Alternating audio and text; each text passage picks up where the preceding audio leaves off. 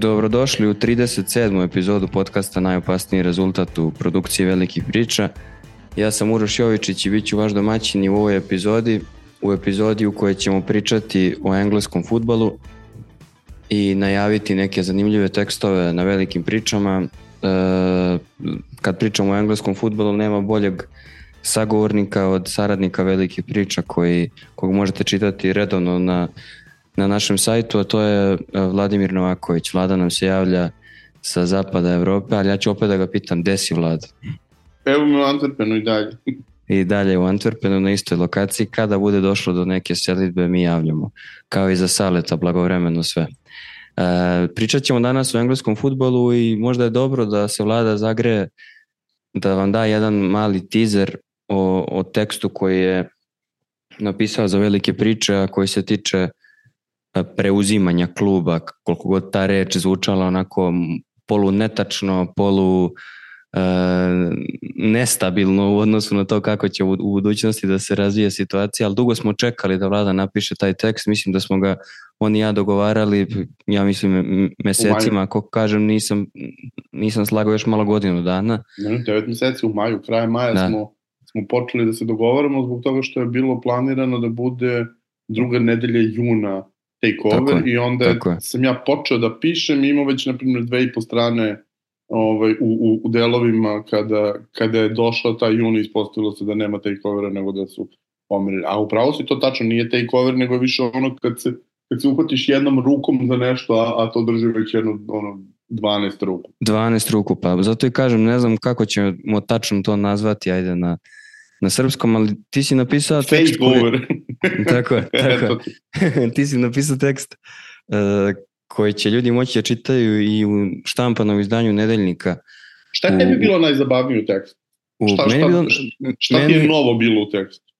Pa novo, novo, konkretno meni nije bilo ništa novo, ono da, da sam se neči, ne, iznenadio zbog neke Dobro. informacije, ali mi je bilo zanimljivo kako si poslagao s jedne strane kao neko ko radi te analize ozbiljno klubova što kod nas, što u Evropi, u ostalom i za velike priče, a s druge strane kao navijač, kako si poslagao šta je zapravo najracionalnije, šta je ono što je potrebno e, i ljudi će pročitati u uvodu jednu jako zanimljivu informaciju kad smo kod preuzimanja, o preuzimanju jedne jako bitne figure iz komšiluka, kad je ovaj novi sistem Uniteda u pitanju, pa možda ti da daš, ti si dao tri koraka, ono zanimljiva, koja bi koraka ili hajde da kažemo, ne znam kako bih nazvao, taj plan bi trebao da se sprovede u tri faze, pa te, te tri faze su jako zanimljive i meni je zanimljivo bilo kako si rasporedio prioritete. Pa možda, eto, da daš kratak teaser samo ljudima da znaju šta mogu da čitaju na velikim pričama i automatski da malo obradimo i tu temu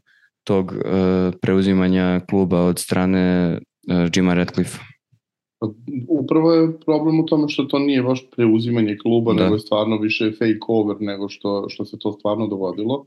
I odatle moraš da kreneš u sve.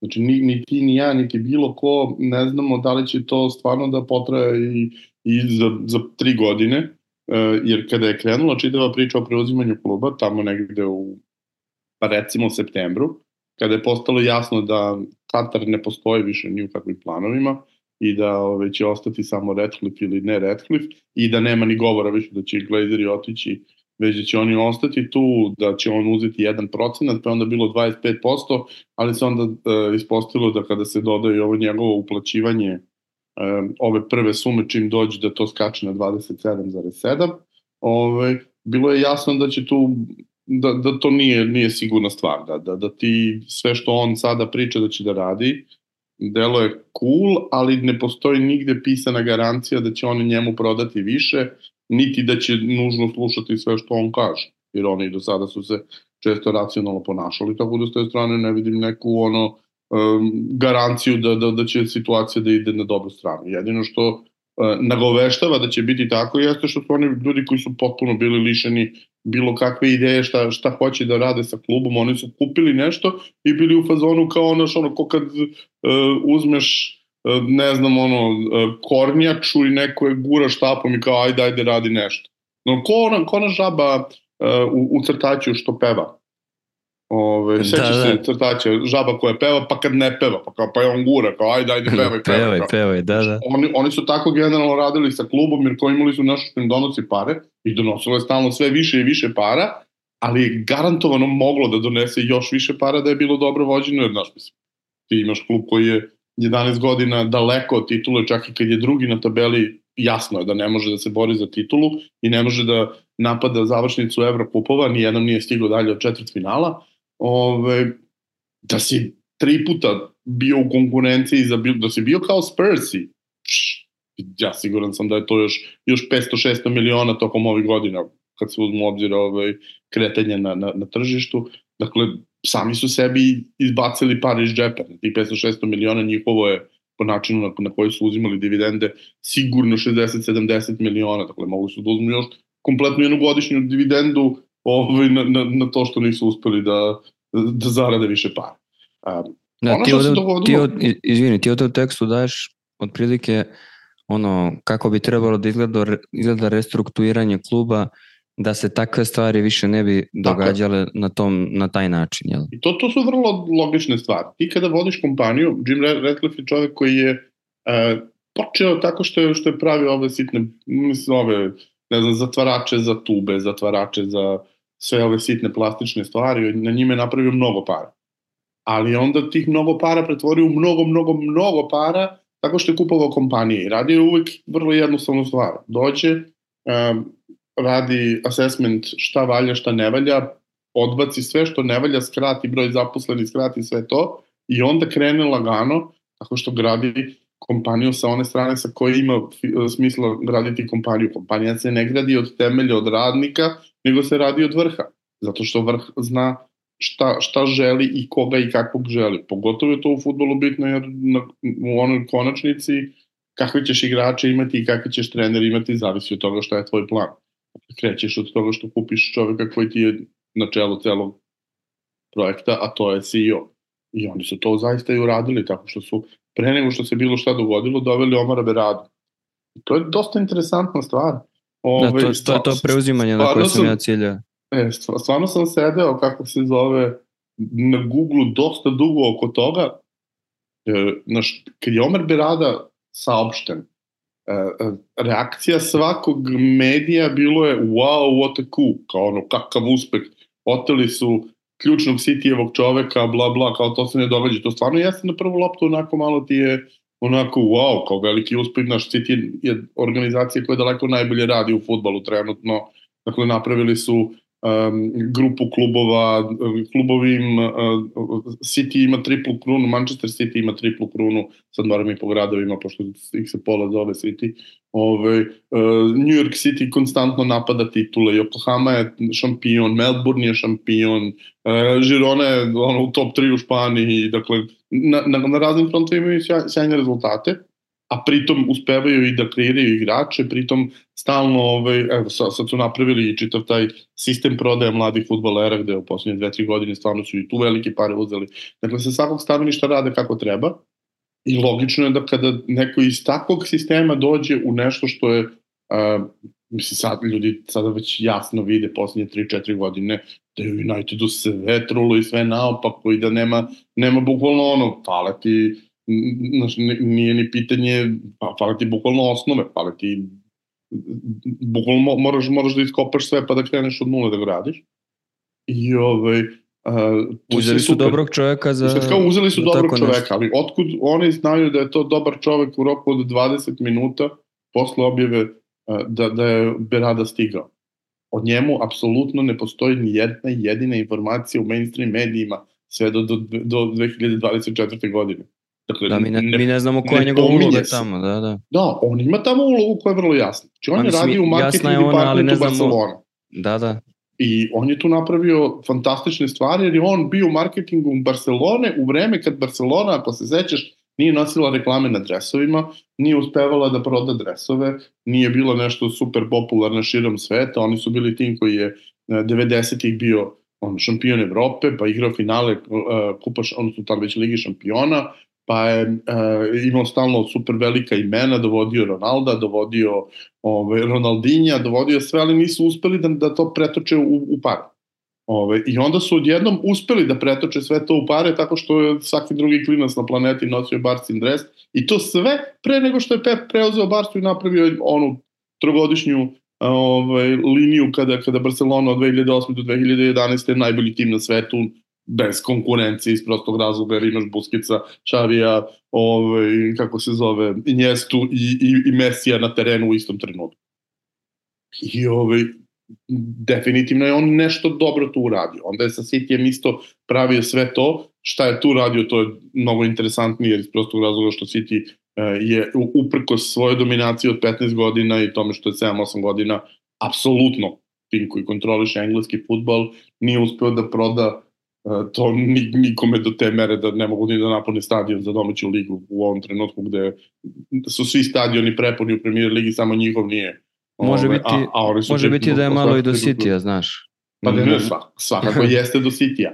Ali opet nemoguće je da ne možeš da, da, da, da dovedeš situaciju dotle da ti dođe 60.000 ljudi. Pogledaj šta se dešava u Newcastle.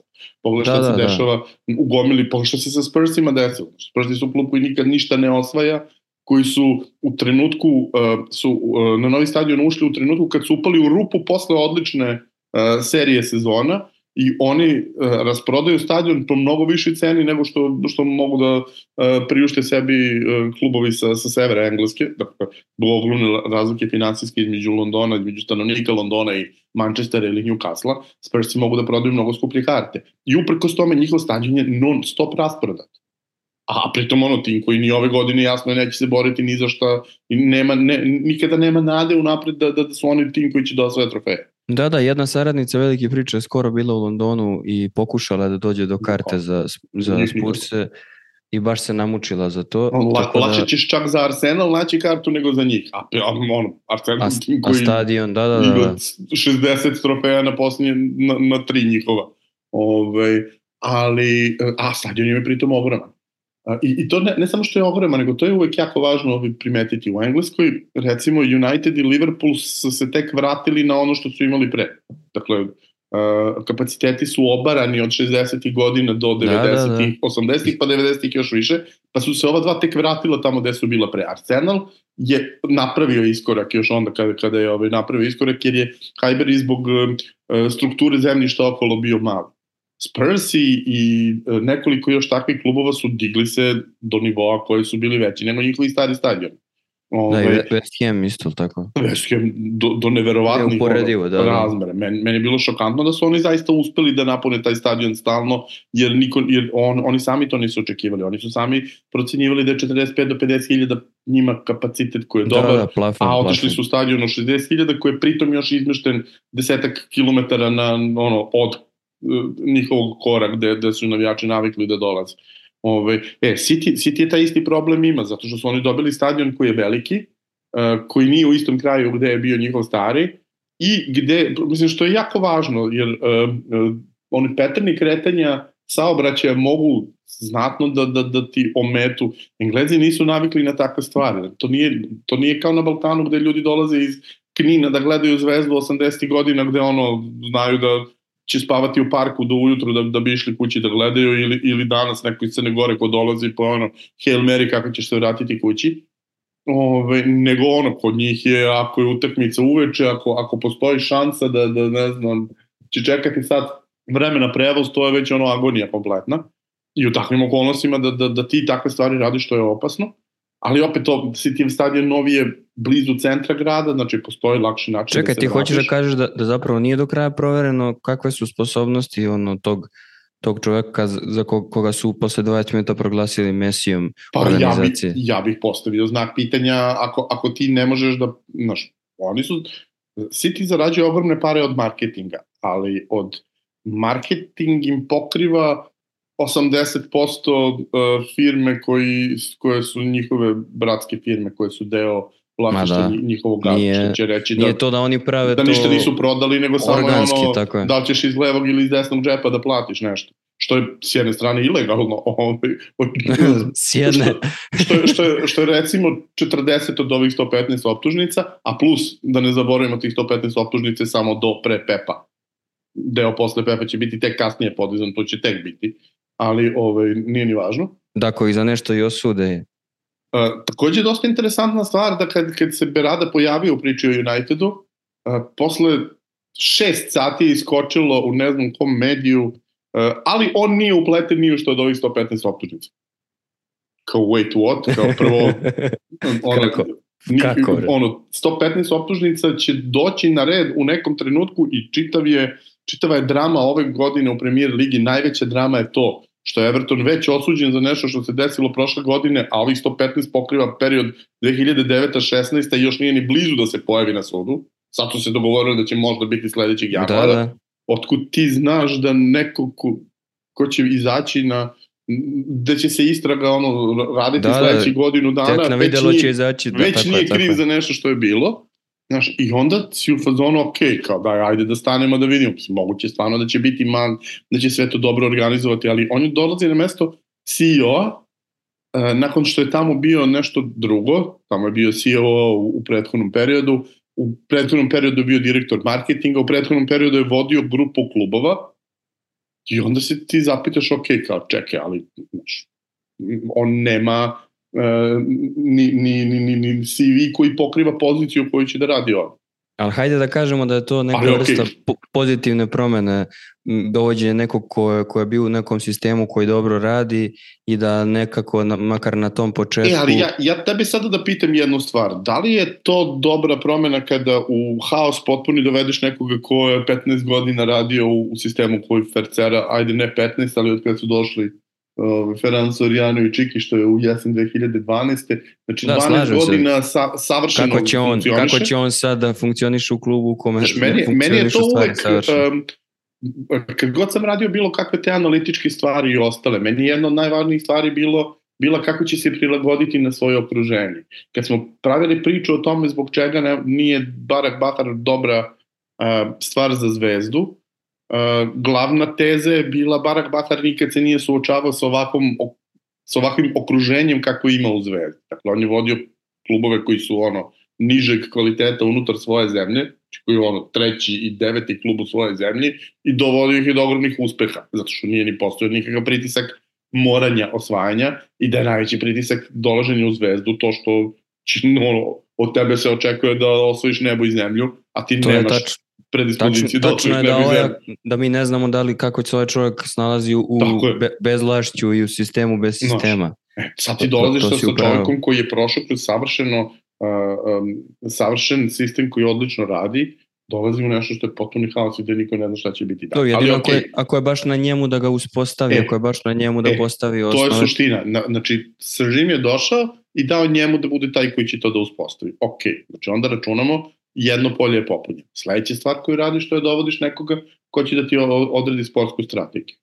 I to je sportski direktor. I tu je super stvar takođe što je odabran čovek koji je verovatno na keca uh, svakog navijača bio tokom prethodnih godinu dana od kad je krenula priča o bilo kakvom takeoveru. Svi su želeli um, Dana Ashworta za, za, za sportskog direktora iz prostog razloga što njegov CV što bi Englezi rekli impeccable. On je Tako vodio je. West Brom, preuzeo ga u trenutku kada su ispali iz lige, napravio je od njih to da se vrate u ligu, da naprave solidan uh, igrački kadar, kupili su nekoliko interesantnih imena, prešli u reprezentaciju, ali ne samo to, nego postavio im je način, uh, podigao im je nivo kvaliteta klubske akademije, popravio im je situaciju uh, oko infrastrukture, pomogao vlasnicima da to urade i uh, postoji je stabilnost koja će im pomoći da, da prođu kroz promenu vlasništva kasnije, tako da su prošli kroz najstabilnijih 10 godina u istoriji, ajde da kažemo, od, od uh, onog kratkog perioda krajem 70-ih kad je Zvezda igrala s njima i kad su, kad su prodavali igrače u Real Madrid, ali osim tog perioda nikad nisu imali tako dobar period stabilnosti u, u, u istoriji kao onaj koji im je on napravio. Onda je otišao u FA u trenutku kad su tek izgradili St. George's Park kao nacionalni trening centar, dakle pazite koliko oni tu kasne za Francuzima koji su da, da. otvorili 80-ih, ovaj, i uh, postavio im je sve da funkcioniše uh, toliko dobro napravio taj England DNA koji je ok, mislim, on je više pamflet, ja bih volao da mi igramo ovako, da mi radimo ono, ali očigledno da radi no, dobro, ali, ali je postavio jer, neki temelj i to, mislim jer, da to je Unitedu i tako nešto potrebno. Tako je, taj England DNA je zapravo uh, ono, njegov papir koji on napisao i, i koji je savet za svakog trenera mlađih kategorija uh, u školama futbala, u akademijama i tako dalje. Dakle, uopšte se ne obraća prvom timu, nego se obraća ljudima koji rade sa klincima od 12-13 godina kakve futbolere hoće. Jer Engleska dotle pravila futbolere koji su povremeno briljantni, a gomila njih nije bila tehnički dobro obučena, taktički dobro obučena. Sada pogledaš šta, šta dolazi iz Engleske od dece poslednjih nekoliko godina, on, ove, ove momke što sad imaju ono, od, od Fodena na, na, na, na dole, to su sve taktički, tehnički igrači kakve Engleska je pravila jednom u X.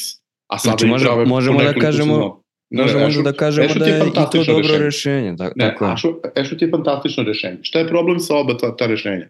Berada je pod ugovorom sa Citijem uh, i uh, kompletan paket e, je, je potpisan tako da on dolazi na kraju godine. Dakle, on do 30. juna nije član United. Ove, Ashworth još uvek nije sklopljen dogovor. Jasno je da će biti sklopljen jer su se dogovorili klub i on, jer je on dao otkaz, dakle, to će se sigurno dogoditi, samo je pitanje da li će čekati kraj ugovora 2025. ili će doplatiti Newcastle neku razumniju sumu od 20 miliona funti ovaj, da ga puste Znam šta hoćeš da kažeš, oni ne mogu odmah da počnu da rade. A oni to pre juna ništa ne mogu da rade. Tako je, tako je. Znači, bukvalno ti do stvarno... juna ništa ne, znači ti si bacio, aj što si bacio cijelu ovu godinu, nego što ako pre juna ne počnu da ti rade direktori, ti ne možeš da planiraš prelazni rok. Ove, ako ne planiraš prelazni rok, ti sledeće godine ništa ne možeš da. Znači, možda znači, kupiš tek na zimu nešto sistemsko. Tako je. Znači, ti si 22. novembra 2022. krenuo u promenu vlasništva, a počećeš da se takmičiš u sezoni 2025-2026. Da, da ćeš prvi put imati ikakvu šansu, jer će u letu 24. da ti dođu svi funkcioneri. Znači, te, e sad, tebi će e sad, to biti kako? prvi prelazni rok u kome ćeš stvarno nešto raditi. Znači, ne, nećeš biti gotov, nećeš biti konkurentan, nego ćeš tad tek zameniti nekoliko, ako možeš da prodaš još nekoliko igrača, ali ćeš verovatno dovesti jednog ili dvojicu maksimalno, pa tek sledeće godine nešto što znači da si ti konkurentan tek negde 27. Znači, Znaš šta moram da podelim s tobom? Moram podelim s tobom jednu izreku koju je govorio moj deda. Kaže, daš cigančetu kobasicu, ona kaže kriva. E, to, to su ti navijači Uniteda u ovom trenutku. Da, Dobre, ali čekaj, mislim, to nije, ti nisi dobio kobasicu, nego daš, daš mu kobasicu, ali je staviš na, na, na kanap i povlačiš je sve vreme, a ono to juri za njom. Znaš, to, to je, jeste, to je tačno. To je problem. To je znači, nije, nije da li si ti sada ovaj, baš mogu da dovedeš ko ono, kao došao ti je ne znam, saudijski princ je rekao ti je dovedi koga hoćeš, pa kao, eh, mi smo doveli u istom prelaznom roku Mbappé, Holanda i još trojicu. Ne, nego ti ništa nećeš moći da uradiš sad u sledećih godinu dana. Znaš kako? A onda, ja, onda ja na, da... na, na sve to ide ona ovaj, Retlifova rečenica mi zbog FFP-a sad nećemo moći da dovodimo, koja je onako lepo dibankovana uh, time što, što klub može da, da potroši 320 ili 40 miliona u raznim opcijama tokom ovoga leta, ovaj, a 340 miliona tebi dovode pa, ono, bar tri elitne igrača. Da, da, ovaj, svakako. Što tri znači da, da ti stvarno možeš da, da, da odradiš major no, rekonstrukciju time, kako nikad nisi uradio. On je nikad nije doveo... kupio vreme, za, odnosno da, da, pokušava, kao, pokušava da ga kupi. Ali... A to, to je još jedna godina bačena. A pritom ćeš ti zbog još jedne godine bačene ti ostati bez 50-60, pogotovo sad sa ovom novom ligom šampiona u kojoj će da eksplodiraju sume novca, da ćeš ti izgubiti 50, 60, 70 miliona uh, funti zbog toga. Što znači da će ti opet to faliti, a on nije neko ko dolazi sa, e, ja imam 30 milijardi svojih, trošite od toga šta hoćete, nego je u fazonu, ok, kao, da će ovo, onda klub nek se snalazi dalje. Da. Da, da. Dug ostaje, znači 100 miliona svake godine, ćao. Uh, re, rekonstrukcija čitavog sistema, evo ga pokušava da ubedi vladu da učestvuje u svemu tome, znači to će biti, čak i da vlada prihvati to, znači neće pre 2030. da bude gotovo. Na to ne bi pristao ni Vlada Novaković, a kamo li da. vlada pa, koju on ubeđuje. Da, da, pritom je način na koji on to radi takav da je, ne znam, kompletna javnost ustala protiv toga, kao, brate, si normalan. Znači, ti možeš iz tvog džepa to da finansiraš, pričaš o tome kao na ono, severna metropola. Pritom, na, na što je meni interesantno, Srđan ima sad 29,7 milijardi, kako, kako je procenjeno u negde oktobru, novembru 23. Um, on je imao 10 milijardi 2019. Znači, nema on neke milijarde na kojima fizički sedi ko baja patak pa ih ima tu pa da ih ne da, nego on je dve trećine toga dobio u poslednjih pet godina. Pet godina, tako je. Znate, šta, šta ti je frka onda da od toga izvojiš 5 milijardi i napraviš infrastrukturu koja ti je skroz potrebna. Ako Znaš ti je ja to mislim, već ja, ja mislim da smo mi, Tako je. Ako već brojimo i godine. Ja mislim da smo, i to si lepo, ljudi će pročitati, sad nećemo sve da im otkrijemo, napravili smo dobar teaser ovim, ali si ti otkrio koja je razlika u danima, u starosti gospodina Retlifa da, da. i, i Sir Alexa. E, a to, to je neverovatno, zaista, mislim, to niko, niko nije primetio to, a to je baš onako, naš, da, da je godinu dana razmaka, pa bi već bilo ono, ok, kao, ne, brate, pričamo ono, ist, ista nedelja unutar da, da, da. godine.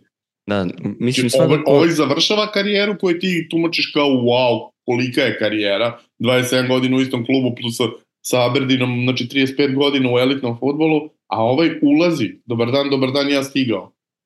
Ali dobro, znaš kako uloge su malo drugačije, ali svakako poimanje toga koje su godine već kasne za bavljanje ozbiljnim pa poslom, da. to, to je malo čudno svakako, ne znači, samo u futbolu. Po zakonu ne bi smio da radi, tako? Tako je, ali ima neki zakon koji je malo jači od zakona, a to je zakon love. U svakom slučaju, mislim da smo napravili, kao što sam rekao, dobar tizeri da će ljudi moći da pročitaju. Vi generalno na sajtu velikih priča možete da pročitate e, i da poslušate ono, jedan niz tekstova i podcasta o, o Unitedu gde smo mi u ovih godinu dana od kad snimamo, zapravo ajde da kažeš u ovoj sezoni, od kad snimamo redovno i od kad je vlada tu u svakoj epizodi, e, zapravo smo obradili ceo proces i tu se jasno vidi iz epizode u epizodu ili iz teksta u tekst koliko to sporo ide, koliko je to sve jako specifično i, i ništa nije konačno kad je United u pitanju. E sad... Znači, Arapi su stigli u, u Manchester da kupe City uh, 20. nekog avgusta, 31. avgusta su već doveli Robinja. Znači, ljudi su stigli u grad 8 dana pre toga. Da, da. Ima neke razlike u ekspeditivnosti, naš, najmanju ruku. To je neki ono eufemizam. U svakom slučaju mi smo ovim prvim delom napravili malo zagrevanje i za slušalce i za sebe, pa ćemo sada da se posvetimo ovim stvarima koje su se dešavale na terenu tokom vikenda i malo pre vikenda i da, u, da, da pričamo o tome da zapravo Premier Liga ulazi u završnu fazu. Možemo da kažemo da je završna faza jer i da ona uvek počne to, ima desetak kola do kraja 12 tačnije, sad su konačno oni koji su zaostajali zbog raznih situacija sa, sa brojem utakmica, svi su poravnati po broju odigranih utakmica, počelo da se igra u Evropi ono što su prolećne obaveze u Evropi, tako da već polako se, se završava, zatvara se taj krug tog središnjeg dela sezone koji obeleže praznici, pauze, prvenstva Afrike, Azije, e, intergalaktička prvenstva i ostale stvari. I sad ulazimo u to što što je završna faza Premier Lige, ali ćemo pre nego što se bacimo na Premier Ligu i na pregled šta se desilo tokom vikenda, da se posvetimo tome da je osvojen prvi trofej, dodeljen prvi trofej ove sezone. Liverpool je osvojio Liga Kup u posle jako zanimljive utakmice protiv Chelsea.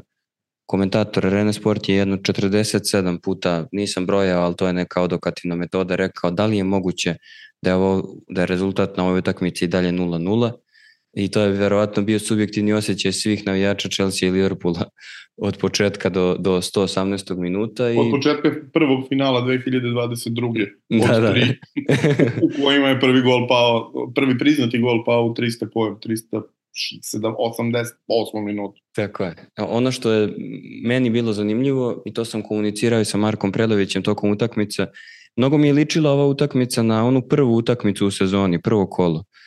Liverpool je bio bolji na početku, onda je bila jedna sumnjiva odluka, uh, onaj start Kajseda na, na Gravenberhu, koji je na kraju doveo do teške povrede i tek ćemo videti koliko će ovaj biti van terena, koja nije nije ni, ni gledana ili ako je gledana nije ni don, nikakva odluka nije doneta, nije čovjek dobio ni žuti karton. Za ono, a realno je da dobije crveni e, po svim standardima koji su uvedeni u ligi, makar ove sezone, kakve crvene kartone dele i od tog trenutka do kraja prvog poluvremena e, makar do zaustavnog vremena Chelsea preuzima kontrolu i tu stvara neke prilike, tako i u drugom poluvremenu. Do 60. minuta ili kog već minuta kada Van Dijk daje gol koji je poništen, e, Liverpool ima neku kontrolu, onda ponovo Chelsea preuzima kontrolu i to smo pričali ti ja Gallagher se našao u više prilika nego u, ostatku sezone celom. I on je odigrao stvarno dobru utakmicu. Bio je i u svom 16 tercu vrlo aktivan i, i pokrivao u odbrani sve što je trebalo da se pokrpi, a u napadu se nalazio u prilikama, nije uspeo da ih realizuje, pogodio jednu stativu, ostalo mu Keleher odbranio. I ono što je bilo zanimljivo, u jednom trenutku je delovalo u nekom 70 nekom minutu kao da Klopp ono, nisam bio siguran da li linije manjeg otpora, to uvođenje klinaca ili prosto čovjek nije imao drugo rešenje, bio u fazonu, ajde da probamo ovako. I onda je Liverpool u produžetke ušao stvarno sa vrtićem, sa pet igrača koji su tinejdžeri i odigrao mnogo, upadljivo bolji produžetak od, od Chelsea. Kako je tebi izgledalo finale, znači mimo gola, mimo rezultata? Kako su ti izgledale te stvari, jer znaš kako u produžetku Poketino ili pet kraj regularnog dela on uvodi sa klupe Nkunkua, pa uvodi uh, on, igrače koji su plaćeni ozbiljnu sumu novca, nebitno u kojoj su formi, u kom su periodu svoje karijere i tako dalje, koji su stvarno, u njih je uloženo ozbiljno, s druge strane, ovaj uvodi 18-godišnjake. Tako da jeste u tom smislu delovalo onako kao poetska pravda kako je na kraju završeno, ali i videlo se koliko je ono Poć bio neraspoložen, on je bio na ivici suza u prilikom ono rukovanja na kraju utakmice. Baš je delovalo da ga je ovo potreslo.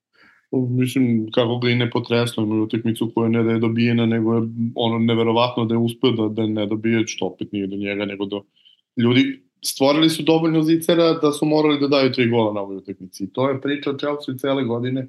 Chelsea cele godine ima jako dobre procese, uh, oni su jedna od top 4 ekipe i to izdvojenih top 4 po, po broju po kvalitetu stvorenih šansi, oni su u top 4, opet izdvojene top 4 ekipe po kvalitetu sprečavanja protivnika da stvori šanse i kako to izgleda na tabeli, tako što u ovom trenutku um, ekipe koje se nalaze na mestima 1, 2 i 3 uh, imaju koliko minimalno. Arsenal ima 58 bodova, a Chelsea ima 35. Dakle, 23 boda razlike u odnosu na timove kojima pripada po svemu što pokazuju u sezoni. Dakle, potpuno rezultati Chelsea nikakve veze nemaju sa onim što rade. Najgori tim sa gol razlikom od ta tri gore City sa plus 33, Chelsea je plus 1. A trebalo bi da i jedni i drugi imaju po plus 20 po onome što pokazuju. Dakle, definitivno je Chelsea tim koji ove godine obeležio ligu po tome što ne može da isprati rezultatski ono, ono što pokazuje u igri i finale to pokazalo na najbolji način. Oni Ili što bi Srbi to rekli imali... lepo, ne mogu vola u dupe da uvodu, to ti je to. Mislim, da, i ne, ne mogu da odbrane ništa takođe. Ove, oni su, su pet puta imali loptu unutar 10 metara na otvorenom šutu svojih igrača i uspeli su toga ne, da ne daju ni jedan gol. Ove, tu, tu treba moj, pohvaliti Kelehera, ali i... Uh, jednim delom Kelehera, ali još više to što su pola vremena gađali van okvira gola ovaj, pogotovo ovaj, Gallagher. Ovaj, uh, sad već od Nika Jacksona si već navikao da će takve stvari da radi, ali ovo je već bilo u, u nemogućim razmerama. Do te mere da, da je moj mlađani ovaj, još uvek ne šestogodišnjak u nekom trenutku rekao pa ja ne mogu da verujem da, da, da Gallagher ovoliko promašuje. Ovaj, bukvalno sam slušao mene pa ovaj, kompletne rečenice ponavlja. Ovaj, I Enzo i to sve Ove, ono što što je meni dakle bilo naj najupadljivije to je da uh, je Liverpool čini mi se podigao nivo fudbala kad je kad su makli uh, startere i pomerili ih na dole i mislim da to do neke mere će uh, uticati na to kako će, kako će dalje raditi klub. Zato što mislim da Andy Robertson ide ka izlaznim vratima iz kluba, jer ne vidim da više pravi razliku kako je pravio prethodnih godina od kad je počeo da se povređuje, što mu se ranije nije događalo da, da, da je on jedan od tih koji će otići iz kluba. Ove, što se tiče same utakmice, stvarno je bilo onako i zabavna i stvarno koji sve, ona dva finala iz 22. sa golovima, ok, ovde je bio po jedan poništen i to oba onako na ivici, mislim, onaj Chelsea nikome nije ubedio da je ono offside, a kod Liverpoolovog ove, bilo je sezona kada su takve situacije bile dozvoljene u ovoj nisu, ovo 5 i 6 isti poništen gol Ali jako zanimljivo, ovo si upravo za Chelsea. Jako je onaj snimak koji su oni nama prikazali, ja ne znam šta su oni gledali, ono što su nama prikazali, ono je dijagonalno neki kadar, ne možda zaključiš ništa. To, to je postao standard u, Engleskoj da, da ti daju neki ono... I onda su samo povukli neku liniju. I kažu je, to je to. E, po toj liniji koju su oni nacrtali, delo da je offside mali, ali, Da, da. Onak, ali iz onog kadra koji smo videli mi to ne možemo da zaključimo. Pritom, ovaj drugi poništen gol na utakmici, poništen gol Van Dijkov je isto posledica nečega što i ti kažeš, ranije moglo da se istoleriše, pritom meni više ovo delo je kao faul u napadu, pre, da je pre faul u ne da je napadu. moglo, nego je bilo ono, to, to je bio standard da se takve stvari dozvoljavaju. E, ove godine se ne dozvoljavaju i to je, ima 6-7 primjera i u Premier Ligi i u međunarodnim u Evrokupovima, vrlo redka situacija da je Premier Liga i Evrokupovi iste stvari Usaglašeno, po, počnu da, da, da kažnjavaju u isto vreme. ovaj, ali generalno to, ukoliko čovjek iz offside fizički utiče na igrača koji bi mogao da utiče na loptu, se kažnjava, ali opet naš. A, Znaš, ali taj, može, taj, taj igrač odbrambeni može i da udari u njega. da ja, ga ovaj, generalno, ja generalno stvarno mislim da je taj koncept tog navodno pasivnog offside-a e, jedna od stvari koje najgore utiču na futbol i koje Ma, najviše dovode do, do haosa. Ja kapiram da može da postoji pasivni offside ukoliko lopta ide desno, a igrač u offside levo. Ali da igrač koji stoji u sred 16 terca možda bude u pasivnom offside dok lopta leti ka sredini 16 terca, to ne razumem. Ali to zaista nema veze sa ovom situacijom, to nema veze sa bilo kojom da, situacijom. da, da, da. Ne možeš u finalu kupa to da uvedeš kao faktor. Ali ne, rekao, mislim, ja, Dobro. jasno, jasno mi je zbog čega je poništen gol ja bi ga poništio, ali ono, glupo je. Zato što, Pa glu- glupo je s druge što- strane od što početka ne rade na, na, na, na, na, uzroku nego na, na posledici.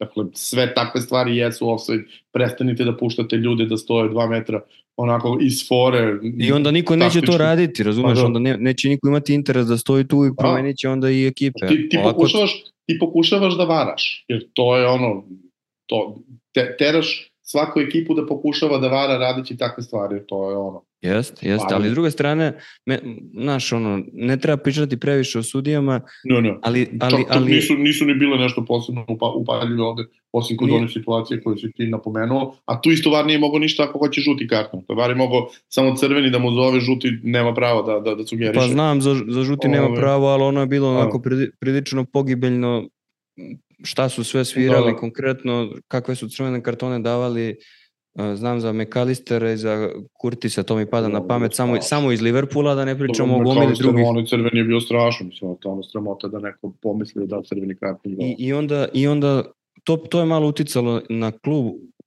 na, na kompletno sve. Kad pogledaš uh, stav, uh, klopa, tim, svi su delovali nekako pogubljeno i Chelsea je to dobro iskoristio.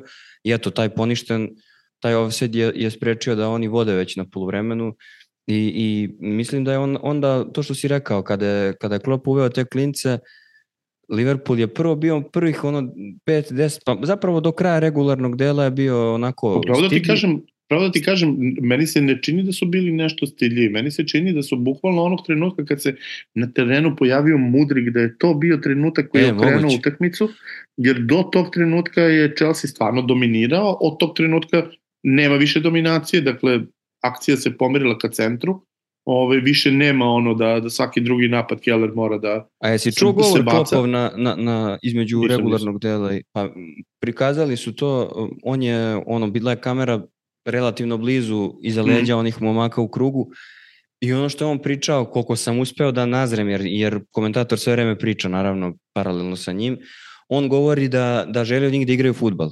No, to, Mi mislim, možemo, to, sad, mi to, možemo to je sad da... toliko je na, na, na kjeca šta će raditi Klopp Da, u da. toj situaciji. Ma Klopp jasno, ima- nego ti kažem Klopp samo ne, nema izbora, uh, gura ko ih je klince koje.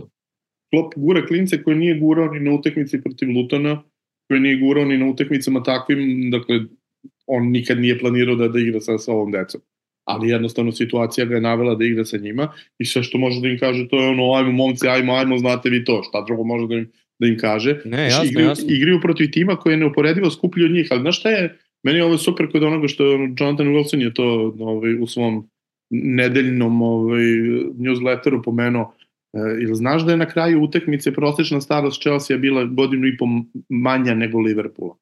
da, to dakle, se, sa svom tom to decom zanemaruje. Liverpoola Chelsea i dalje ima upadljivom, pazi, godinu i po dana na utakmici je dramatična razlika. To, to, je, Ali- to je razlika od, otprilike između trećeg najmlađeg i trećeg najstarijeg tima u ligi. Ali imaš, Ove- ali imaš jasno, jasnu razliku između Jasno je zbog jedne i čega, druge jer, mladosti. jer, razumeš? imaš, jer imaš dva igrača, kako se zove, Liverpoolova koji vuku na, na, na, na plus 30 ali, a ovi su svi u, u istim godinama. Ali pritom, to, to je pritom su ovi neafirmisani, znaš, ovi igrači je. Liverpoola još, još nikog od njih nisi, Ma niko ne nema nikog, minutažu, ali, niko ali nema. većinu nisi video, uopšte ne znaš šta znaju, ne znaš šta mogu da Te, pruže. tebi je Bradley već ispao iz tima dotle, Bradley je na klupi. Ove, Tako je, dakle, tako je. prvi klinac kog, za koga niko nije ono znao van Liverpoola do pre 20 dana, sada je ono, već neko ko izlazi kad izlaze prvotimci, to je to. Ove, nego je čitava stvar u tome što, što znači ovo, ovi su stvarno klinci, ovi su iz akademije direktno presađeni. Chelsea ima na klupi dvojicu akademaca, ne ubacuje ih do kraja, dakle on, oni nemaju više ni jednog seniora na klupi. Ali je stvar u tome što njihovi seniori koji su ušli u drugom u, u, u finišu utakmice nisu mogli ništa da učine. Jer jednostavno Chelsea je ukrivo postavljen tim. Chelsea je tim koji je da potroši milijardu na igrače, a da ne kupi strajkera. Da ne kupi, da imaju, kupili, kupili su tri ista odbrmena igrača. A, a ne mogu u istom trenutku da, da pošle na teren više od jednoga. I šta Da, da, da. ti to znači tačno? Ove, I Chelsea još povrh svega uh, je završio na tome da, da, da Roman Čukaričkog slash uh, New Englanda njima bude spasilac sezona. I pazi, ne, on je- ne možeš on je- tako da... On je najbolji on- igrač utakmice Chelsea je bio. Tako je, tako je. O, mislim, oba golmana su odradila najvažniji posao u regularnom delu, ne Tako je. računama Van Dijka i meni je stvarno Endo, Endo bio super, mimo ajde toga što je on bio kriv za taj poništen gol, ali mislim da je imao jedan ili dva onako pasa, Nije, nije on bio svojom greškom kriv, to je deo Da, da. dizajna. a, ali, ali je odradio mnogo dobrog posla, on je, on je blokirao onaj šut nakon Keleherove odbrane, Tako je. Uletao je u taj šut, ima baš, baš dobrih stvari na terenu. Pa on je, onako on je nije- imao tešku situaciju zato što je ostao bez Gravenberga relativno brzo.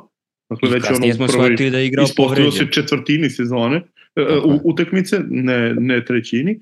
Ovaj, I e, imao je pored sebe praktično samo McAllister, na drugoj strani su ti tu bili Enzo i Caicedo i tu su se spuštali i Gallagher i Palmer e, po lopti, dakle Chelsea je tu imao i, i brojčanu i, i kvalitativnu prednost, ali su ovi uspevali da se drže. To je ono što je, što je Zato jako je to bitna stvar. pohvalno jako za Enda i ono što sad Tako je. možemo da se nadovežemo već i na, na, na, mislim, da ne pričamo sad o značaju Klop je naravno odradi ono što Klop radi u čim su na konferenciji spomenuli, eto kao prvi od moguće četiri trofeje u vašoj oproštajnoj sezoni, odmah prebacio na klince, rekao ovo uopšte nije, nije moja, moj trofej, nije, nisam ja bitan ovde, ovo je njihova Barcelona, ovo je ono što je bila Barcelona, ona utakmica o Rigi i Trent, Da, da.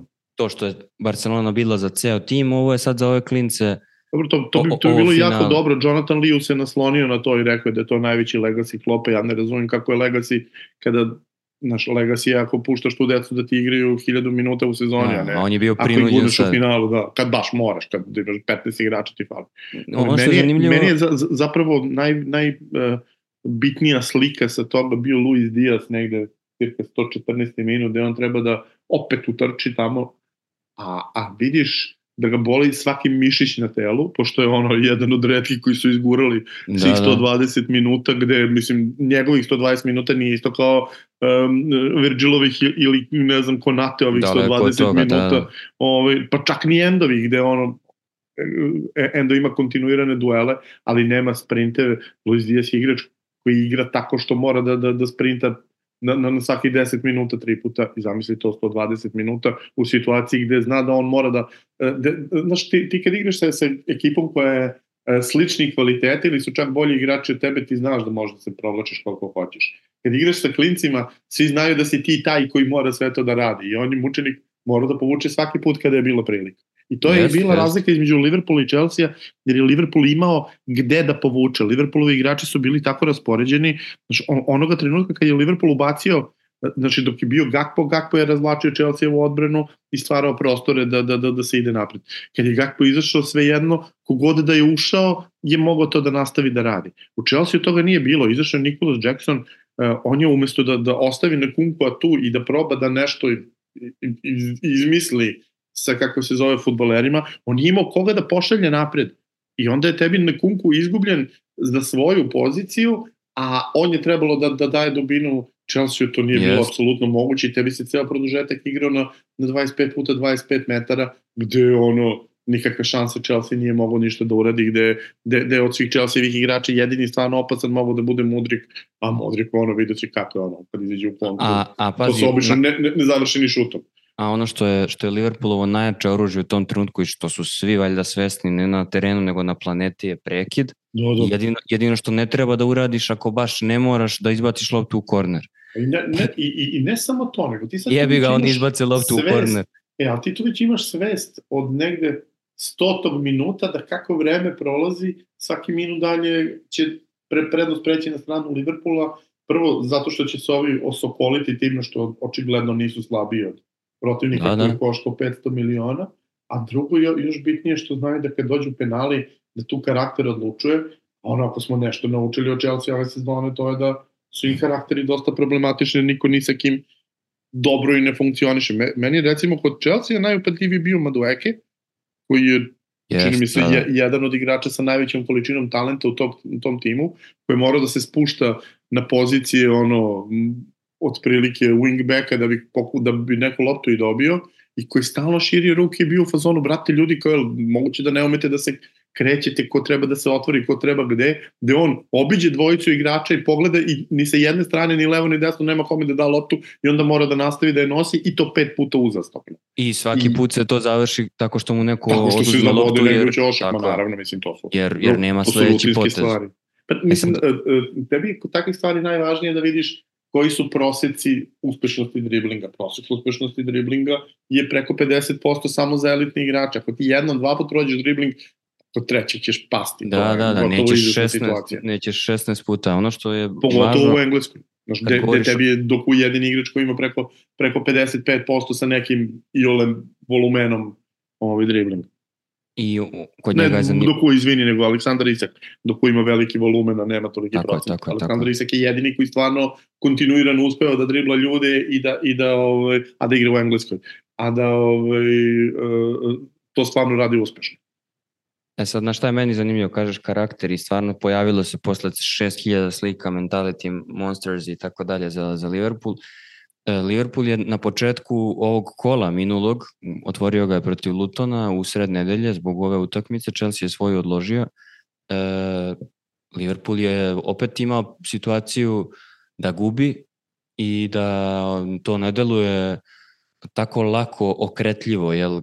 Da, da, da, da je taj preokret ono, da će neko ući i reći šta ste se rastrčali i da će ovi izaći i da će ih onda zgaziti, ali opet i, i, i bio je realno desetkovan, nije imao igrača koje koje je Klopp planirao čak ni kao ni one koji su prva alternativa onima koje nema jer su se svi živi ispovređivali bila ona neka fora fali samo levi bek u timu, najboljem timu Liverpoola, ali to su svi povređeni.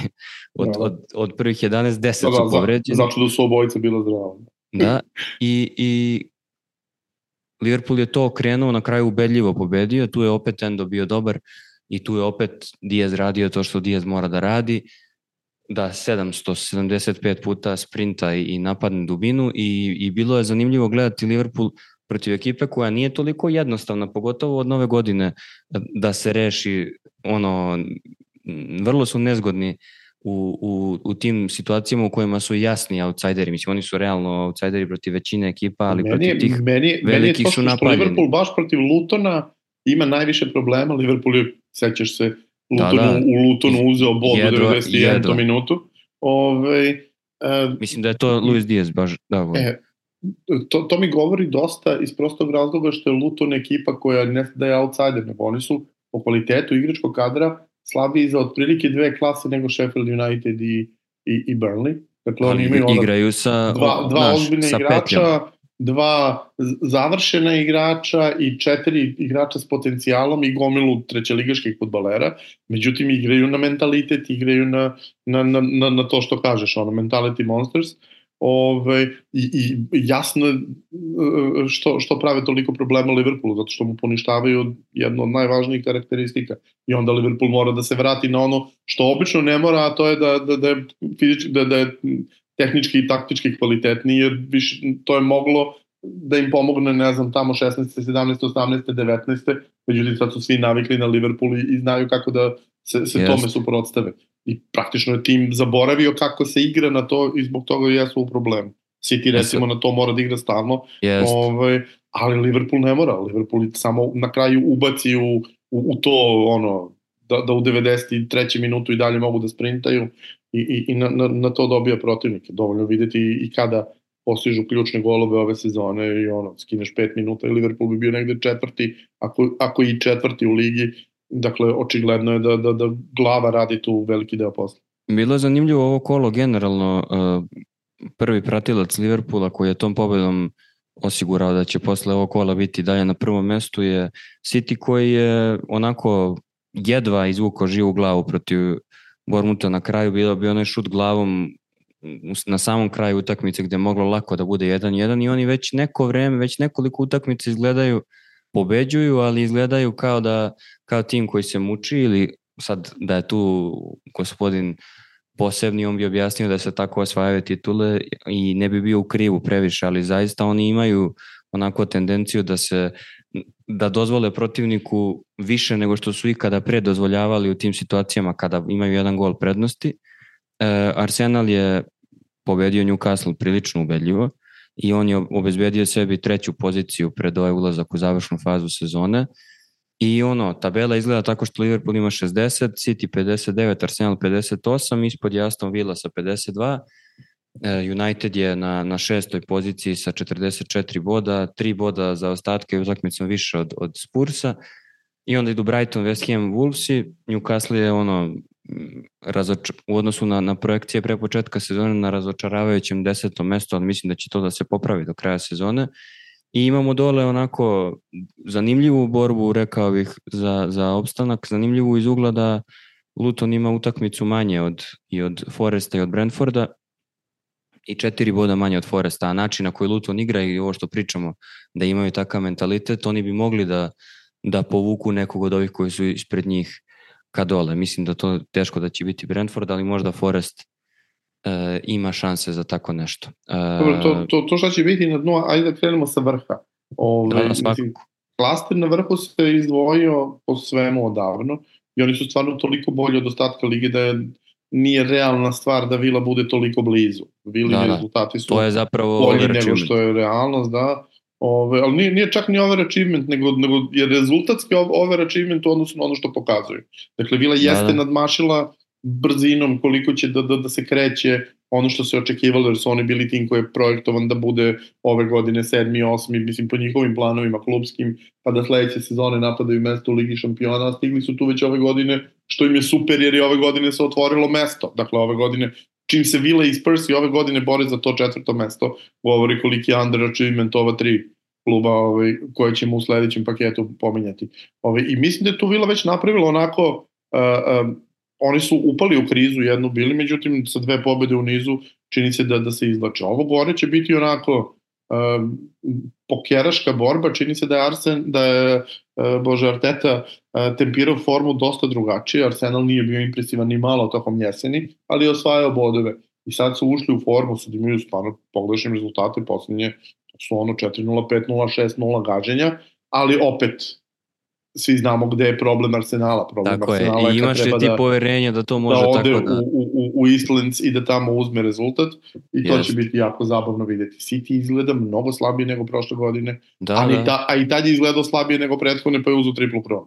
Tako da, i, I to je takođe ja, faktor. Ja mislim da su, da su u tom smislu, ma, mislim, Mart je ono mesec potencijalno koji će da usmeri sezonu. Prvo imamo City već u sledećem kolu igra protiv Uniteda, to gostuju na Old Traffordu ili sam ja ne, pomešao? Ne, ne, dobili su na Old Traffordu već. Da, bravo, bravo, bravo. Oni su, znači, oni čekaju United, pa imaju u narednom kolu uh, Liverpool, pa imaju posle toga gostovanje Brent, uh, Brightonu i onda u poslednjem kolu u martu igraju protiv Arsenala. City da, ima da. baš četiri onako utakmice u kojima ne može da garantuje da će pobediti bilo koju, šta god ti rekao sledećoj utakmici. Ne, ja, ja mislim da on tu dve lagane pobede ima, mislim da to ni Brighton okay, ne može Brighton da se nikad nije ni, da, tako A United svakako.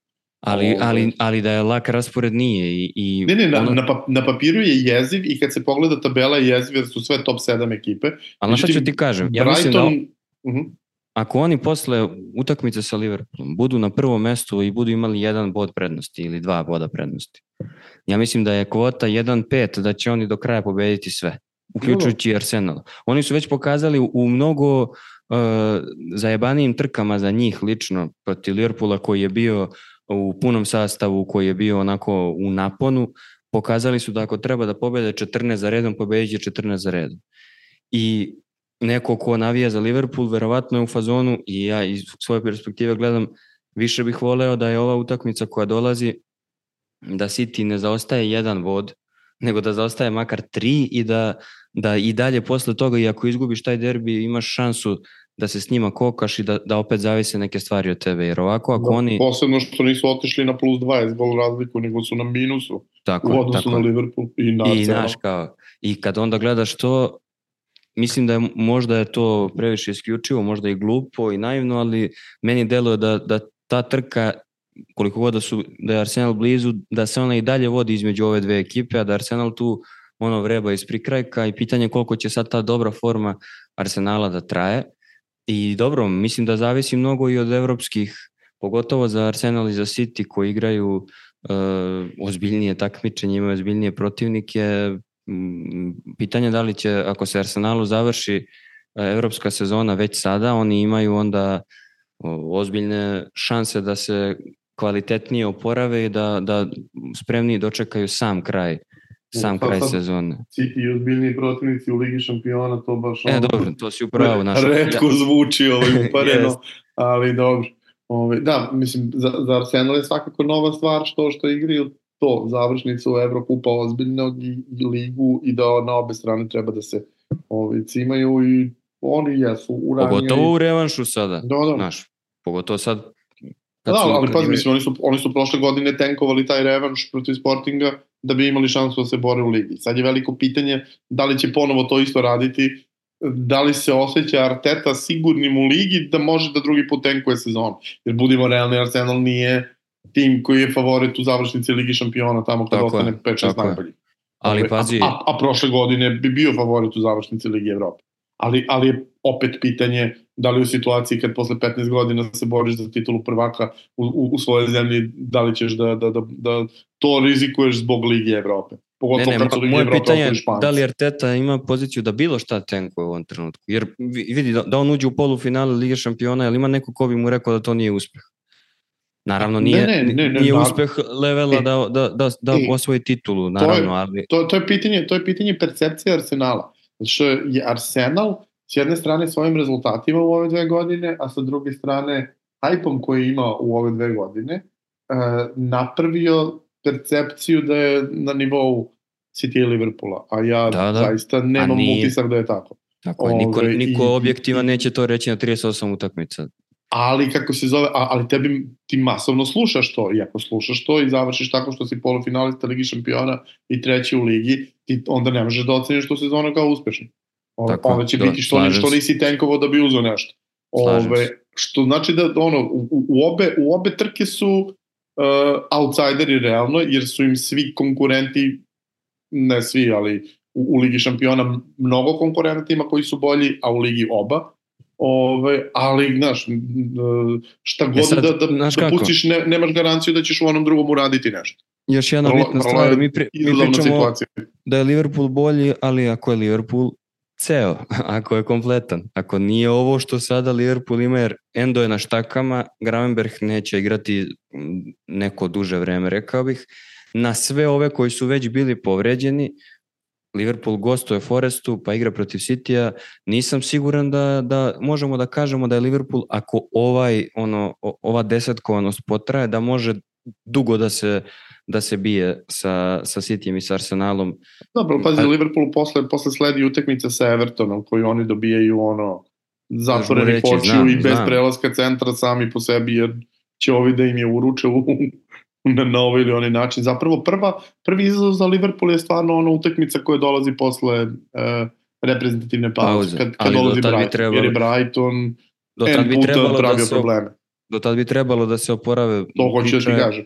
Priča ne, da bi Darwin i Salah trebalo da igraju već protiv City, ako sve bude kako treba, da. što je već, jer, već jer, značajno. Liverpool može sebi da priušti da izgubi od City jer je to tip utakmice gde ne smeš da računaš na bodove. To, to je tip utakmice gde podrazumevaš da možeš da izgubiš. Jer A znam, ali, ali ja upravo zbog ovog što pričamo da su oni u stanju da da ono pobeđuju poslednjih 10-15 kola u kontinuitetu, mislim da nema luksuz da, da. da razmišlja na taj način. E sad ispod United je osvojio i to ono što smo pričali, opet stvar percepcije, United igra po mnogima užasnu sezonu, ali s druge strane osvaja dosta bodova i United je u poziciji da se bori za, za nešto što nije delovalo tako. Kad pogledaš neku utakmicu da ne znaš kontekst, da ne znaš stanje na tabeli, rekao bi ovi ljudi tako je bilo i protiv Fulama, u ostalom ovi ljudi izgledaju kao da su 13 i oni, oni se bore za, za mesto u, u Ligi šampiona, kogo to zvučalo nerealno u ovom trenutku, ali... Da, United je paradoks ove sezone sa svakog stanovišta. Uh, ja stvarno ne pamtim sezonu u kojoj mislim da je United sudijski oštećen više nego ove, sigurno za 15 bodova, a United već ima brat bratu 10-12 bodova više nego što igrom zaslužuje i nalaze se tu i kad bi dodali tih 15 bodova borio bi se za titulu, a izgleda kao tim koji bi trebalo da je negde tamo sa Evertonom i Bournemouthom u, u, u borbi za opstanak. Uh, ništa tu ne funkcioniše kako treba, znači klub koji ima gol razliku sada opet nula nakon poraza, bili su jedno jedino kolo u plusu, ovaj, se nalazi na pragu mesta za ligu šampiona, što je jedna utakmica ovaj, i, i stižu Spurse, a ti pritom za Spurse nemaš pojma u što će im se razviti sezona, jer onako previše su ovaj, gore dole. Ovaj, potpuno ničim izazvano su, su tu gde jesu i dalje su konkurentni za, za, za mesto čak i u Ligi šampiona, pošto svi očekuju da će Englezi do kraja sezone uspeti da, da, da, se, da preskoče Nemce i da, da budu drugi. Da, da, zato je kažem. Ove, ovaj, što je baš onako suludo. Ovo što je sasvim ali... sigurno odlična stvar za, za, za Sir Jimov sistem i to sve, ali opet ono, s kojim igračima opet sledeće godine te čeka isto ovo što si imao ove jeseni. Ove, ali za, za financije kluba sjajno, 50 miliona sigurnih, 60 dodatnih u odnosu na to da igraju u Ligu Evrope.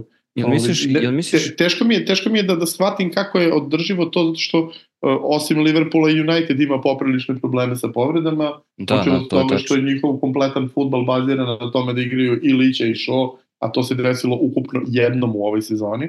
Ove, uh, I na toj utakmici se jedan od njih dvojice povredio, a u sledećoj da. drugi. Ove, I neće igrati uh, Martinez do kraja sezone, a Šo ko zna koliko. United recimo je doveo sebe do situacije da u martu, ne u februaru, nema ni jednog napadača i ni jednog levog beka zdravog koji može da igra futbol. Jer su jednoga poslali na operaciju, a drugi se povredio, ovaj, na drugoj strani su Uh, jedan je povređen cele sezone i dalje se ne zna ono što, što bi neko rekao da li su ga vanzemaljci oteli jer je u, u julu bilo saopšteno da, da ga mesec dana neće biti na terenu. Evo već smo na pragu marta još uvek nije na terenu ovaj Malasija, Šo je povređen skoro cele sezone, Regilon je doveden na pozemicu pa vraćen, Alvaro je poslat Ma na da, pozemicu ono... nakon što su dvojica bila povređena, pa je opet poslat na pozemicu u drugi klub, tako da sad i da ga vrate ne bi imao pravo da igra. I najbolji levi bek koji u klubu imaju e, je mlađeni Harija Mas koji je stvarno super talent na prelazu iz 16-17 godina i ovaj neće da ga pusti da igra. Ove, što možda ima smisla, ali u nekim drugim okolnostima i onda na levom beku igra Viktor Lindelov koji ja ne znam. Bolje ovaj mali nego bolje mali pa, sa 16 naš, godina. Bo, bolje da ovaj... igraš bez bekova ako nemaš bekove. Yes. A pritom ne možeš ni, ni da loa da prebaciš zato što je Van Bisaka povređen na drugom beku. Znači kad, kad se Helun povredio to je bilo ono šesta fundamentalna povreda. Tebi i dalje, a da ne računamo ovi koji nisu fundamentalni igrači. Ajde još, da još, još dva pitanja, sad kad smo već krenuli u ovaj pregled u završne faze, odnose se na sredinu i na, i na dno. Pitanje za sredinu, ili misliš da neko može u ovom finišu da iskoči, da ima dovoljan kvalitet, mislim znamo da Newcastle ima dovoljan kvalitet, ali samo da li neko može da iskoči i da se ono dokopa neke više pozicije. Pazi, sredina će biti ekstremno interesantna ukoliko peti klub bude igrao Ligu šampiona, zbog da, toga što da. će sad zbog raznih stvari zbog ove utakmice na Wembleyu pre neki dan i zbog ovoga, čak možda i osmo mesto biti otvoreno za, za Evropu. što znači da će dva tima ispod Uniteda trenutno moći da igraju u Evropu, Da, a da, razlika da. između trenutno osmoplasiranog West Hama i Chelsea na 11. mestu je jedna utakmica, ovaj, no, malo više od jedne utakmice, ono, četiri boda, ali Chelsea ima tu utakmicu za ostalu, što znači da, da, da svih ti, ceo taj klaster od pet ekipa može da se bori za Evropu. U tom klasteru Brighton i West Ham su igrali Evropu sad, Newcastle je. je igrao ove godine, Chelsea ove nije igrao, svake prethodne jeste, dakle, Wolvesi su jedini koji relativno ne računaju na to. Uh, meni je nivo nestabilnosti tu onako jako čudan. Mislim, Wolvesi imaju istorijsku sezonu, stvarno šta je Gary O'Neill uradio s obzirom na to da je pokupio tim tri dana pred sezonom I kako igraju oni, i kako je moguće da, da, da, ono, da neko drugi bude menadžer sezone, a on opet neće biti, nije ni prošle godine bio nominovan kad je od, od onoga Bormuta napravio da opstanu u ligi, isto tako što je pokupio ekipu mesec dana nakon početka i što mu nisu dali posao koliko pet meseci posle toga. Znaš, imaš Newcastle koji opet nije isto kad Liverpool ima probleme s povredama i Newcastle kad ima probleme s povredama. Newcastle kad mu fali šest igrača, on ostaje na kostima, on stvarno nema na šta da računa i, i to je ono što njih muči u ovom trenutku, inače bi imali 6-7 bodova više i bili bi Dobro, tu, ja- bi- bili bi u ovoj ja drugoj bih- borbi. ja bih voleo da je šest i ovamo povređeno, pa da onda Da. može da, da nije Ovaj, 15. Ne, ne, 6-7 bodova im, im Da, fali, da. to hoću da kažem. Ove, a što se Chelsea tiče, kao što rekao, oni igrom bi trebalo da imaju bar 15 bodova više od ovoga gde su sada. Ove, I stvarno je greota da su tu, jer, jer ono, talenta ima koliko kako? hoćeš, ali Da su osvojili ovo, možda bi to bio onaj neki impuls da ih pogura. ali to ti je već Evropa.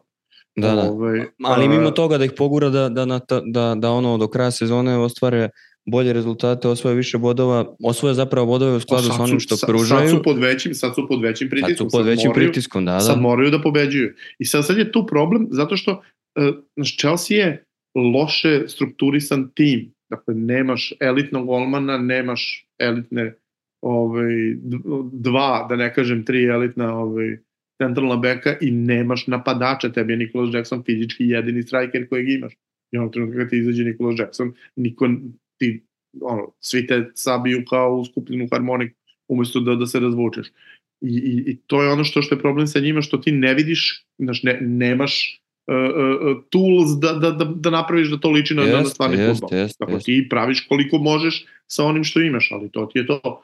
Ove, tako da do, do ovde svako od ovih, znaš, Brighton i Wolves su mnogo bolje strukturisani, West Ham da ne pričam, West Ham ima i igračko kadra da igra i mnogo drugačiji futbol od ovoga. I meni je zapravo haos u West Hamu nešto najsmešnije u toj celoj toj priči, gde je čitava pomama da se otera David Moyes koji ih drži ono osvojim evro trofeje, igra u Evropu svake druge godine ili svake godine, što nikad se nije dešavalo u istoriji West Hama i to rade u vreme dok su ispod njih Chelsea i Newcastle i to rade u vreme kada je Brighton ono, Jeste. čudo na čudima, kada Aston Villa ima najbolje sezone u poslednjih 30 godina i uprkos tome West Ham tu i svi hoće da oteraju Mojsa. Kao, brate, ono, imate vi ideju šta vam je cilj? Znači, pričamo o klubu koji je početkom 2000. godine ispao iz ligi sa pet engleskih reprezentativaca u rosteru. I sad ti se nešto buniš, Ma dobro, jeste seti kao, ali, se, ali ne igramo dovoljno atraktivno. Ko je dovoljno atraktivno, ti si tako West je, Ham. tako je. I, i seti ih se, meni je uvek onog period kad ih je Bilić vodio, koji je otvoreno pričao protiv te atraktivnosti. On jeste bio atraktivan na jedan način, ali na West Hamov način. Ono, imamo osam igrača koji vas udaraju čekićem. to, je, to je bio njegov opis kad sam razgovarao sa njim o tome. Osam igrača koji udaraju čekićem, svako na svoj način. Svako ovaj driblingom, ovaj fizički, ovaj brzinom, ali nismo, ne znam, nismo ne znam kakav ti, ne igramo ne znam kakav ono e, sistem, nego radimo ono što West Ham radi. Sad jebi ga West Ham radi ono što West Ham radi i oni su nezadovoljni. Imaju pritom nekoliko igrača koji igraju ono karijerne sezone i oni su i dalje, znaš, kao jako specifična Ne, situacija. Ja sam spremajući onu priču o srpskim klubovima u, ove, u Evropi, dosta pričao o tome kako je izgledao West Ham sa, sa ljudima iz kluba koji je sa njim igrao i onda su čuo sam da, da dosta ljudi čak i rade u West Hamu nije pretredno zadovoljno situacijom iz prostog razloga što znaju da mogu da igraju mnogo lepši futbal Pa dobro, to je ovaj, od činjenica. onoga što igraju. E, I ono što je E sad, ali šta je sad naj- poenta? Hoćeš da igraš lepše tome, ili... Tako je, da li hoćeš rezultate. David Moyes nije, igra, nije trener koji je posvećen svom timu nego protivničkom. David Moyes je taj koji sprema, to su mi rekli, kaže, mi smo otišli tamo, a Mojs je imao po nekoliko strana o svakom našem igraču. Pazi, pričamo o klubu koji prvi put igra, igra Evropu ikada. Koji da, da. pre šest godina igrao u, u, u, u trećoj ligi srpskoj. Ove, oni su svakog našeg igrača detaljno izanalizirali. Kao ono, znaš, nikad to nisi vidio, nikad nisi pomislio, ali on je ekstremno posvećen tome. Dakle, on je ta Murinjovska strana E, daj da izučimo protivnike, da, da smislimo kako ćemo da ga kaznimo, ne treba nam lopta, treba nam samo da znamo kako ćemo mi njih da kaznimo i oni imaju fantastičan ovaj igrački kadar za tako nešto. Ali ume da im se da osveti, znaš.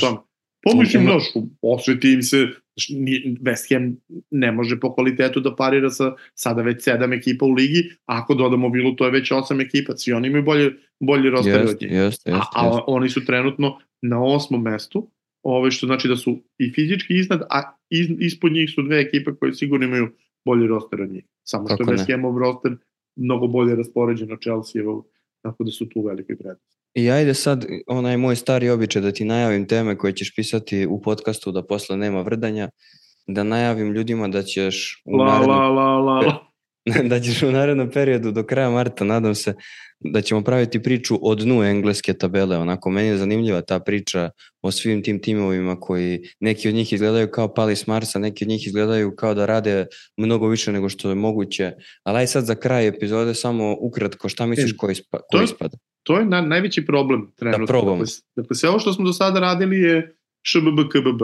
Ono što nam sad sledi, dakle, ova priča o dnu je problematična iz prostog razloga što niko u ovom trenutku ne zna koji su parametri koje treba da, da, da, da, da sledimo. Ajde da krenemo ovako. U četvrtak Everton imao 18 bodova, je tako? Danas ima da. 25. Ove, odigrali su jednu utakmicu. Tako je. Znači, vraćena su im četiri boda koji su im ranije uzeta, a pobedili su. Dakle, tim je sa ono, e, tri, dva boda ispod crte otišao pet bodova iznad crte u jednoj utakmici. To ne može.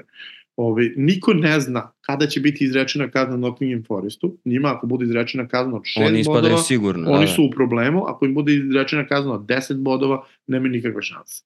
Uh, niko još ne da, zna šta će da biti sa drugom. su u problemu, baš. Pazi, niko ne zna šta je sa, pa da, ali, ali niko ne zna kako će Luton da, da izgleda kad dođe frka.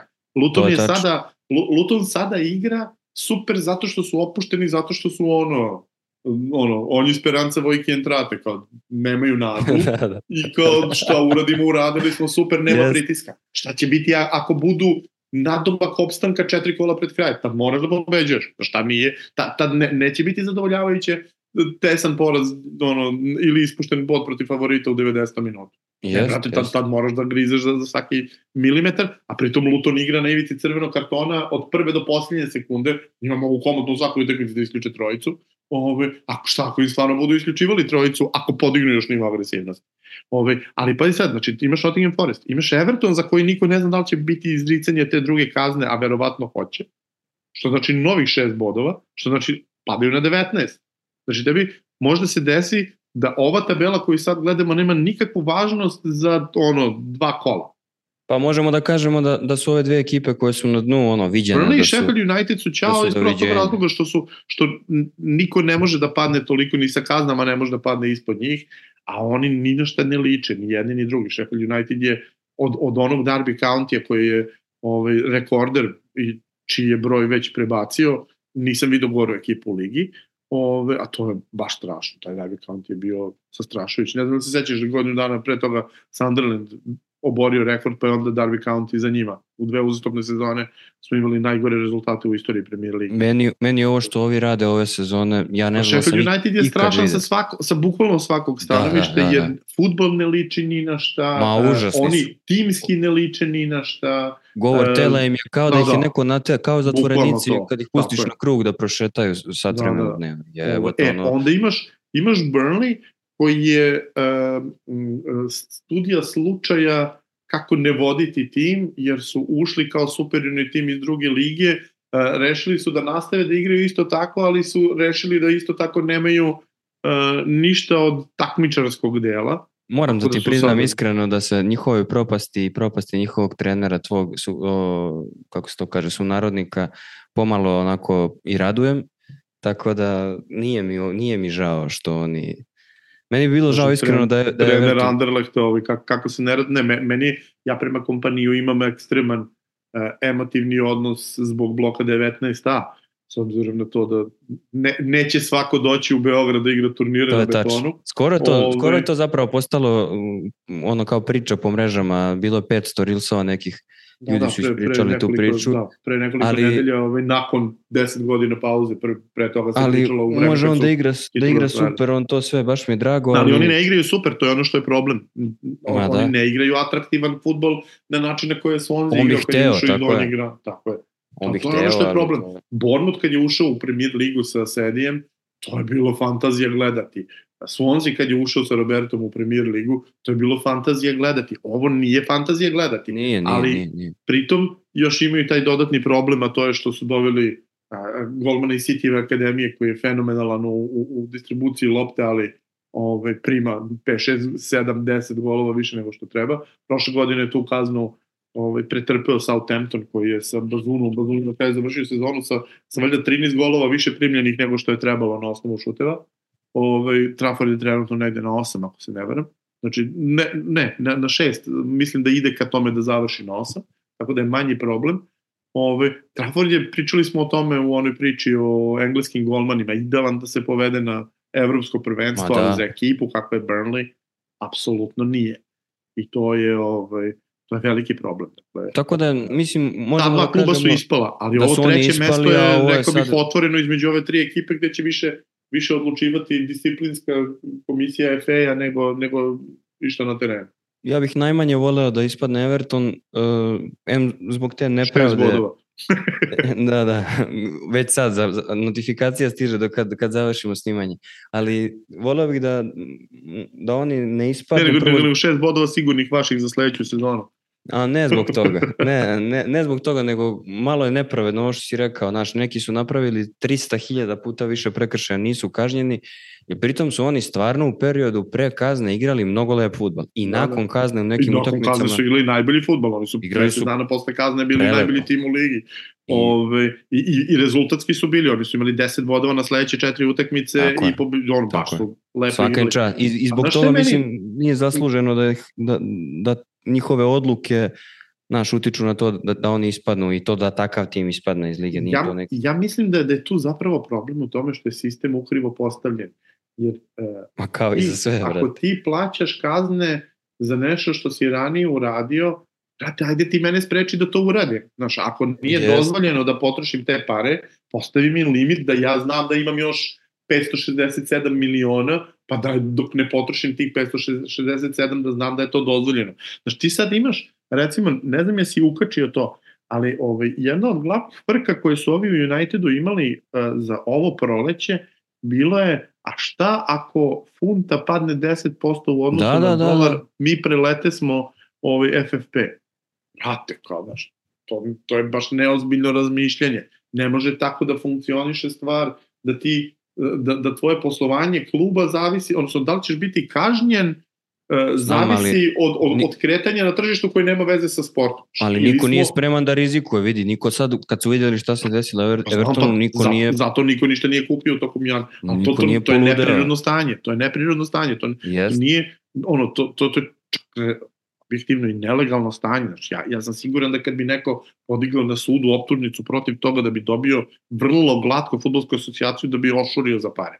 Ali to Ajde, niko neće sada radi, nego će možda da radi za god. Mislim, Evertonovci će ukoliko, ukoliko uh, budu nastradali od ovoga, ja sam siguran da, da, da će Everton da tuži futbolsku asocijaciju i da uzme milijarde. I navijamo svi za njih, pošto je ovo, ovo da, ćemo navijati svakako, da. Tako je, tako. Ove, I sad, uh, on, ono što je ostalo samo pre nego što, što se odjavimo za danas, ja sam hteo samo da najavim, uh, pošto pričamo o engleskom futbolu u ovoj epizodi, da će preko sutra na, na, u četvrtak na sajtu velikih priča naši slušalci i čitaoci jel, moći da čitaju priču o Sunderlandu. Odgledao sam novu, novu sezonu serije.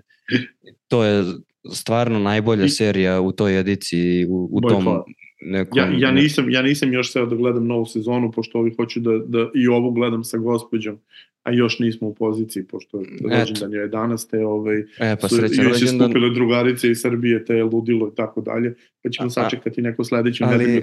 Ne, eto, nemoj mnogo da mi spojluje.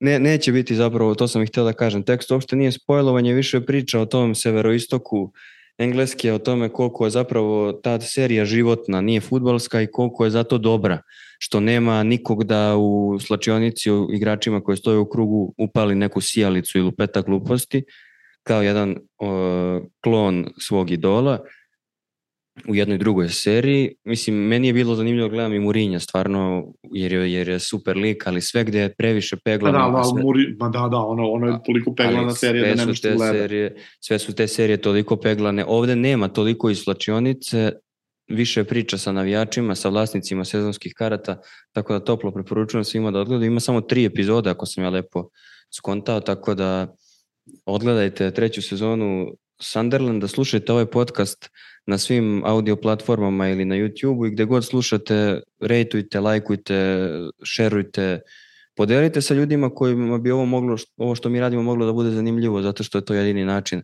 da ovu priču širimo dalje.